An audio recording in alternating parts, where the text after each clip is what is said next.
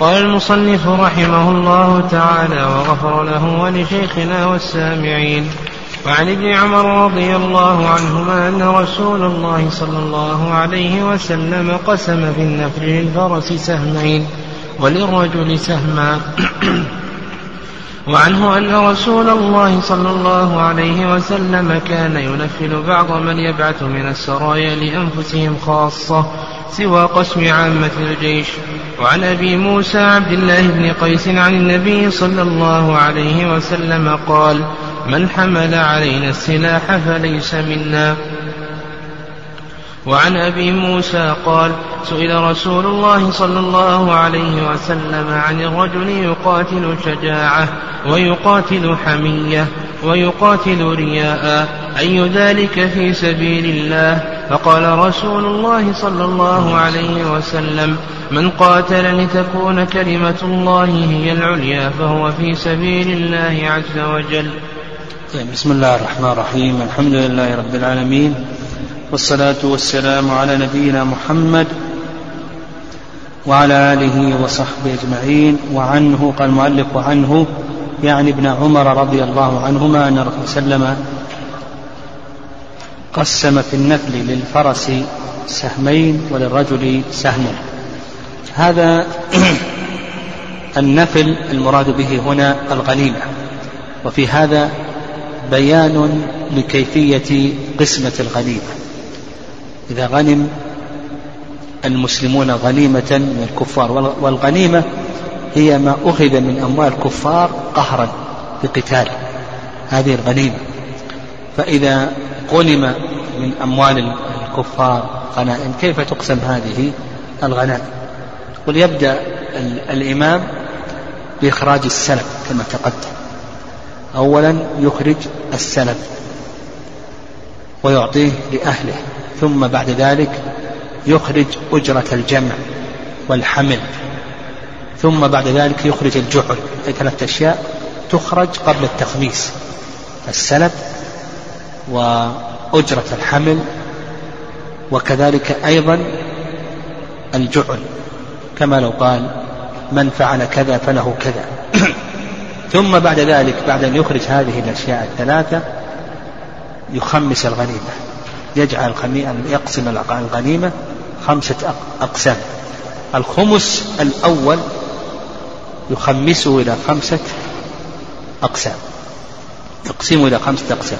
واعلموا أن ما غنمتم من شيء فأن خمسه لله وللرسول ولذي القربى.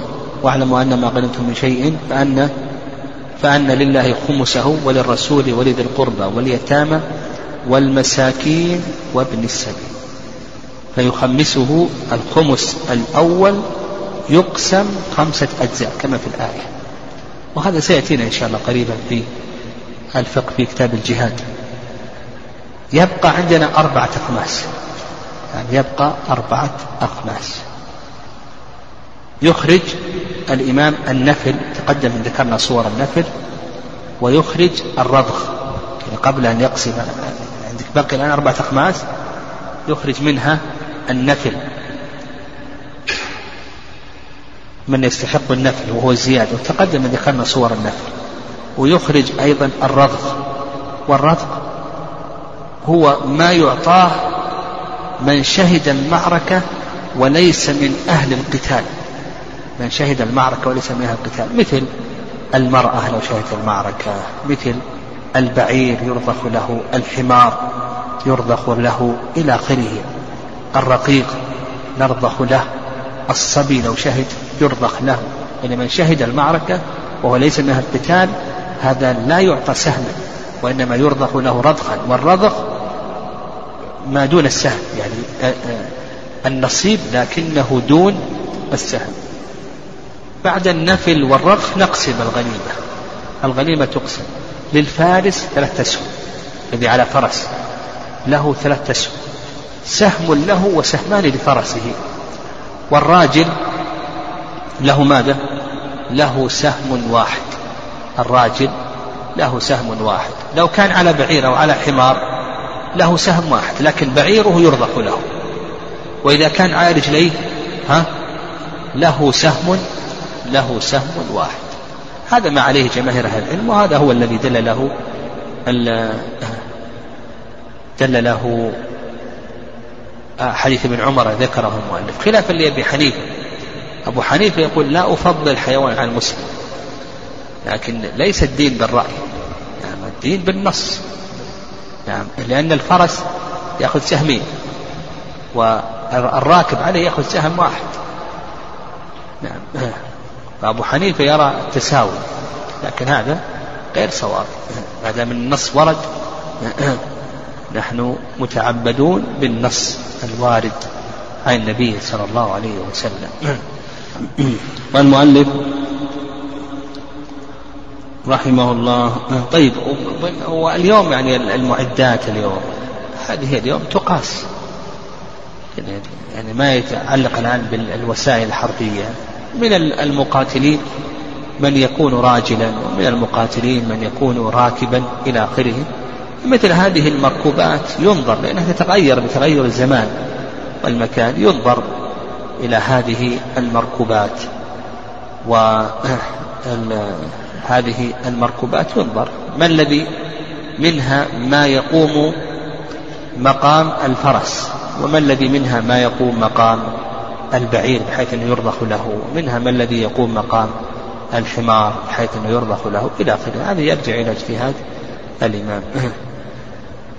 قال المؤلف رحمه الله وعنه أن رسول الله صلى الله عليه وسلم كان ينفل بعض من يبعث من السرايا لأنفسهم خاصة سوى قسم عامة الجيش. النفل هو الزيادة وأما في الاصطلاح فهو ما يعطاه المجاهد زيادة على سهم. سبق أن ذكرنا أن النفل ينقسم ثلاثة أقسام.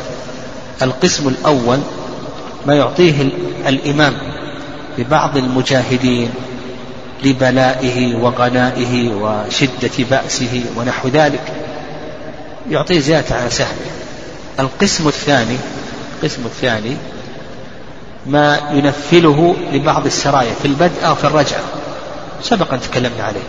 يعني ما ينفله لبعض السرايا في البدء في الرجعة. القسم الثالث الجعل كما لو قال من فعل كذا فله كذا إلى آخره. سبق بينا مثل هذه الأشياء.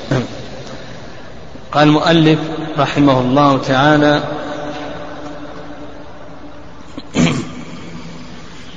وعن أبي موسى عبد الله بن قيس عن النبي صلى الله عليه وسلم قال من حمل علينا السلاح السلاح فليس منا. يعني هذا الحديث فيه تحريم الخروج على الأئمة. يعني أن الخروج على الأئمة أنه محرم ولا يجوز. فالإمام إذا كان مسلما فإنه لا يجوز الخروج عليه. إلا كما قال النبي صلى الله عليه وسلم إلا أن تروا كفرا بواحا وأيضا اشترط بتغييره القدرة على ذلك وألا يترتب على ذلك ضرر أشد من ضرر بقائه. وكذلك أيضا آه، قوله من حمل علينا السلاح. يشمل الخروج أيضا يشمل إخافة المسلم بالسلاح. يعني حمل السلاح على المسلم. كما أنه يشمل الخروج على الإمام. كذلك أيضا يشمل إخافة المسلمين بالسلاح يخاف المسلم بالسلاح إلى آخره. فنقول بأن هذا محرم ولا يجوز. وأيضا فيه أن مثل حمل السلاح هذا يعني للإخافة والترويع أنه من كبائر الذنوب. يعني إنه من كبائر الذنوب وأنه لا يجوز. قال وعن أبي موسى قال سئل رسول الله صلى الله عليه وسلم عن الرجل يقاتل شجاعة ويقاتل حمية ويقاتل رياء أي ذلك في سبيل الله؟ فقال رسول الله صلى الله عليه وسلم من قاتل لتكون كلمة الله العليا فهو في سبيل الله عز وجل. عن الرجل يقاتل شجاعة يعني من أجل إظهار الشجاعة. ويقاتل حمية يعني عصبية حمية لقومه عصبية لقومه ونحو ذلك ويقاتل رياء يعني من أجل أن يراه الناس ويتحدثوا بفعله. فأي ذلك في سبيل الله؟ فقال النبي صلى الله عليه وسلم من قاتل تكون كلمة الله هي العليا فهو في سبيل الله. في هذا الحديث دليل على أن الجهاد الصحيح هو الجهاد في سبيل الله. لا يقصد بذلك القتال من أجل العصبية القومية أو من أجل الرياء أو من أجل عرض الدنيا الفانية ونحو ذلك وإنما يقاتل من أجل أن تكون كلمة الله هي العليا.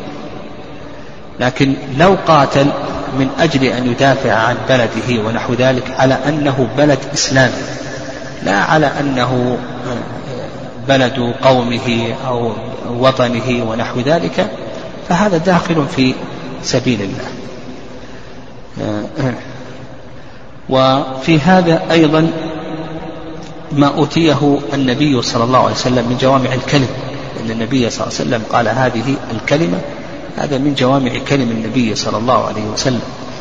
وفي هذا أيضا بيان لمشارب الناس في القتال وأن من الناس من يقاتل من أجل المغنم منهم من يقاتل من أجل أن يظهر نفسه في الشجاعة ومنهم من يقاتل في سبيل الله. هذه كلها الأعراض أبطلها الشارع وأثبت قصدا واحدا فقط وهو إعلاء كلمة الله عز وجل. وفي هذا أيضا فيه الإخلاص فيه الإخلاص لله عز وجل في القتال.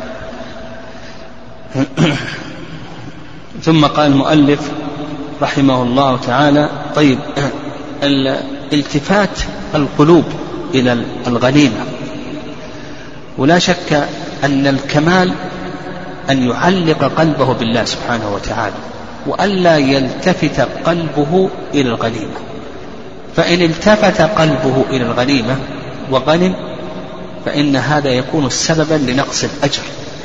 ولهذا ثبت في الصحيح أن النبي صلى الله عليه وسلم قال ما من غازية تغزو فيغنمون إلا تعجلوا ثلثي أجره نعم إلا تعجلوا ثلثي أجره فإذا التفت القلب إلى الغنيمة نعم فنقول بأن هذا من أسباب نقص الأجر عند الله عز وجل. وإن لم يلتفت القلب. كان الإنسان علق قلبه بالله سبحانه وتعالى فإن هذا لا يضره.